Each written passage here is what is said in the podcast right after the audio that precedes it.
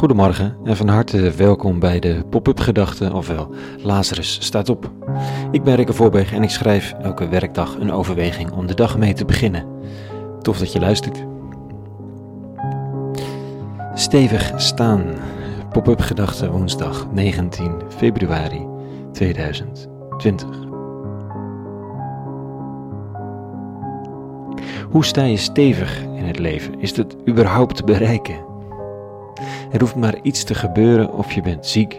Erger nog, geliefden in je omgeving worden ziek. Mensen met burn-outs vallen bij bosjes om, al is het niet meer zo frequent als vroeger. Of niet meer zo verrassend dat ze ook kunnen, en dat is een minder rooskleurig gegeven. Hoe sta je stevig? Daar zijn allerlei vrome antwoorden op te geven die weinig hout snijden. Niet dat per definitie vrome antwoorden geen hout snijden, maar er zijn vrome antwoorden die geen hout snijden. Dan blijkt iemand toch een façade opgehouden te hebben of stiekem ergens een ander verhaal geloofd te hebben dan het vertrouwen op God.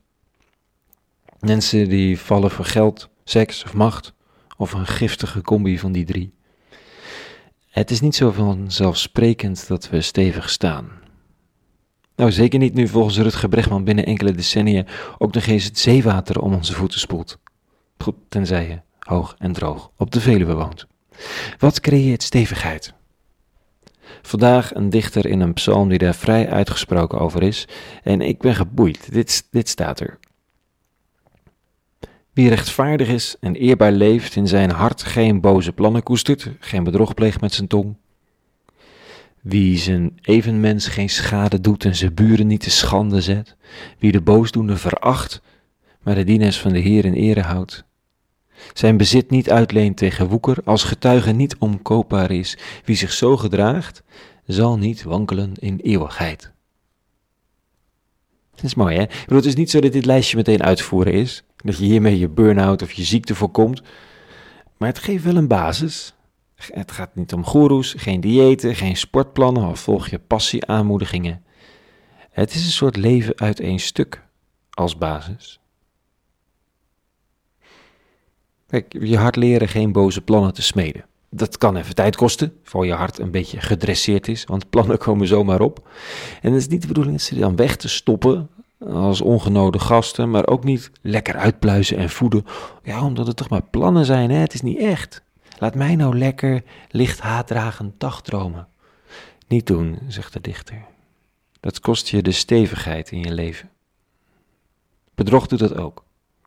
Het levert je gewoon te weinig op. Laat nou maar. Zet de ander niet te kakken. Leen niet uit met pijnlijke rente. Ook jij niet, Weekamp. Gewoon niet doen. Je maakt mensen kapot.